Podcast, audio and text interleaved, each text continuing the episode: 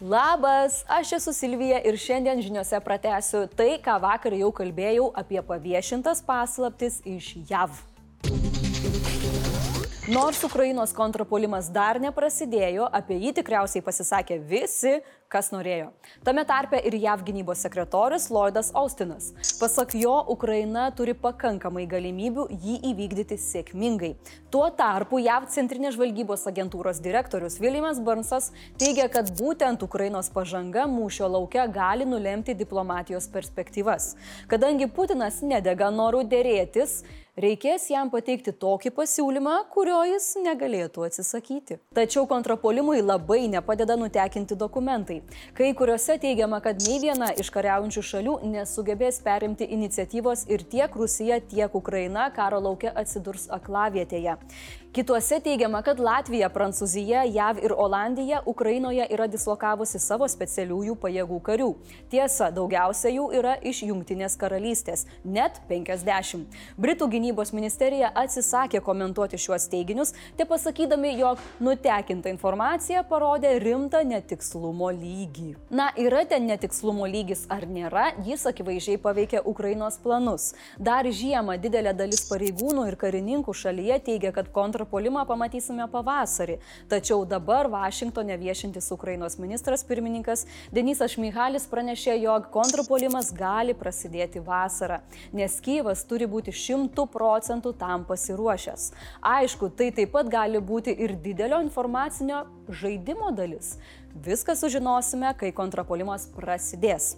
Dokumentuose yra ir daugiau įdomių detalių. Ten sakoma, kad Serbija yra vienintelė šalis, kuri ilgą laiką išlaikė glaudžius ryšius su Rusija, bet kartu ir išsiuntė arba dar išsiūs ginklų Ukrainai.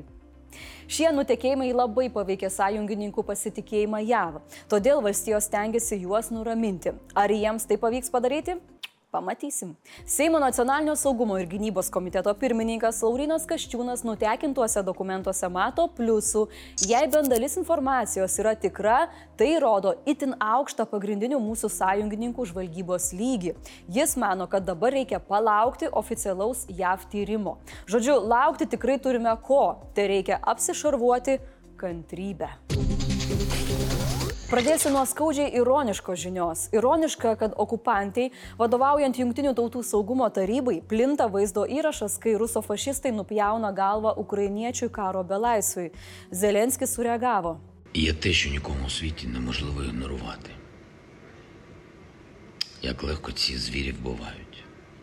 Ми нічого не збираємось забувати і прощувати вбивцям. Законна відповідальність буде за все потрібен програш терору. Pasakysiu tik du žodžius. Duokit naikintuvų. O dabar klausimas jums. Kiek Rusijoje yra halucinacijose gyvenančių žmonių? Atsakymas - bent trečdalis ir vienas institutas. Rusijos konfliktų tyrimų ir analizės instituto atliktos apklausos duomenimis apie 34 procentai rusų išvelgia galimybės pradėti karinius veiksmus prieš Baltijos SS. 54 procentai pateisintų vadinamąją specialiąją karinę operaciją esant puolimo grėsmiai. Rusijos valdžios galvose sveiko proto dar mažiau. Mordoras ne tik, kad pasitraukia iš paskutinio brandolinės ginkluotės kontrolės susitarimo su JAV, tai dar ir žvangina brandoliniais ginklais. Rusija paskelbė atlikusi sėkmingą pažangios tarp žemyninės balistinės raketos bandymą. O fronte nieko naujo. Per praėjusią parą Ukrainos kariai toliau atriminėjo klozetų vagių atakas Lymono, Bakhmuto, Adyvkos ir Marinkos Donetsko srityje. O ukrainiečių oro pajėgos sudavė 13 smūgių į Rusijos karių ir technikos telkinius ir per parą nukovė 730 okupantų. Geras ženklas yra Krymo statytinių baimė. Rusijos aneksuoto Krymo ir Sevastopolio miesto valdžia atšaukė paradus ir eitinės skirtus gegužės 9 ir gegužės pirmajai pergalės dienai paminėti. Atseit dėl saugumo. Mhm, kurgi ne. Karo mėsmaliai pasiglemžiant vis daugiau rusų karių gyvybių, Kremliui dega šikna iš kažkur rasti daugiau mėsos. Todėl okupantų valdžia paskelbė online šaukimo į kariuomenę sistemą. Čia, kad nereikėtų įteikinėti šaukimų gyvai ir, nu, vat, nebūtų tokių štai linksmybių. Я Я говорю привет, Dėdė Andrėjai. Žmogaus chaoso Egidijaus dragūno naujienos. Taip, jūs teisūs, mes kalbėsime vėl ne apie jo muziką, o apie konfliktus su teisėjas sauga. Vilniaus apygardos teismas paskelbė sprendimą dviejų su pusę metų narpliotoje ir apeliacinė tvarka išnagrinėtoje byloje, kurioje atlikėjas dėl vieno kaltinimo buvo išteisintas, o dėl kito pripažintas kaltu. Dėl pasipriešinimo policijos pareigūnams teismas paliko Egidijui anksčiau skirtą 5000 dydžio baudą, tačiau atmetė jam priteistus pareigūnų ieškinius už neturtinę žalą. Kitaip tariant, kaltas, bet pareigūnams žalos atlyginti neturi. Neturtinė žala buvo kompensuota jau vyriausio policijos komisariato išmokant nukentėjusiesiems kompensacijas. Teisėjo nuomonė, Egis elgėsi pavojingai ir agresyviai, o jį sulaikė pareigūnai teisėtai. Šita kebeknė prasidėjo 20 metų vasarą, kai pareigūnai dėl naudojimosi telefonu prie vairo sustabdė prabangų dragūno Bentley automobilį. Užeidinėjimus galite eiti į teismą. Pasmauksi! Jūs gal apsibaigęs, velnis? Pasiduodu, pasmauksiu, viskas, neburk, išeinu. Dragūnas, įskaitant baudą ir ieškinius, jei nuosprendis įsiteisėtų ir nebūtų keičiamas, iš viso turės sumokėti apie 13-14 tūkstančių eurų. Sužaloti pareigūnai iš atlikėjo asmeniškai prašė jiems priteisti apie 12 tūkstančių eurų, bet gaus tik priteista po 500 neturtinės. Ar dabar jau Egis elgsis gerai? Aišku, kad ne. Nu bet kokią muziką kūrė. Mm.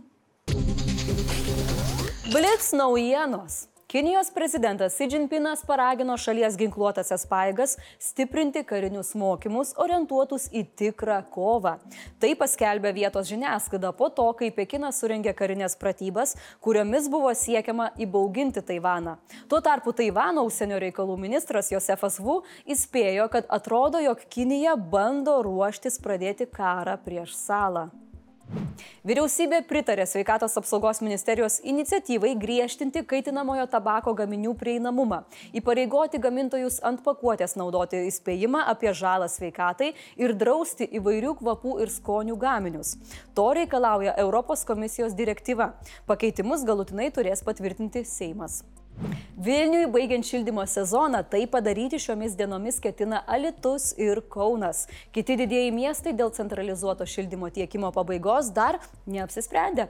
Panevežys sprendimą priims šią savaitę, šiauliai kitos pradžioje. Klaipėdoje šildymo sezonas neturėtų baigtis anksčiau nei gegužę. Vyriausybė nusprendė Seimui teikti siūlymą Lietuvoje liberalizuoti iki 65 laipsnių stiprumo naminių alkoholinių gėrimų gamybą. Teigiama, kad legalizavus naminukę būtų galima surinkti mokesčių į biudžetą, kartu tai padidintų turistų, kurie atvyktų ragauti istorinio paveldo srautą. Valstybės valdomos Ignitis grupė akcijų turintis finansų viceministras Gediminas Norkūnas neišvengė interesų konflikto priimdamas sprendimus dėl grupės veiklos. Be to jis netinkamai deklaravo interesus, nusprendė vyriausiai tarnybinės etikos komisija. Pats Norkūnas teigia, kad su sprendimu dar nėra susipažinęs, o kol kas situacijos nekomentuos. Mėlyjei, žinau, kad pagerėja orai ir išlindusi saulutė labai vilioja, bet vandenyje būkite itin atsargus. Visus savo daiktus, o ypač maistą, laikykite nepasiekiamoje vietoje. Yeah.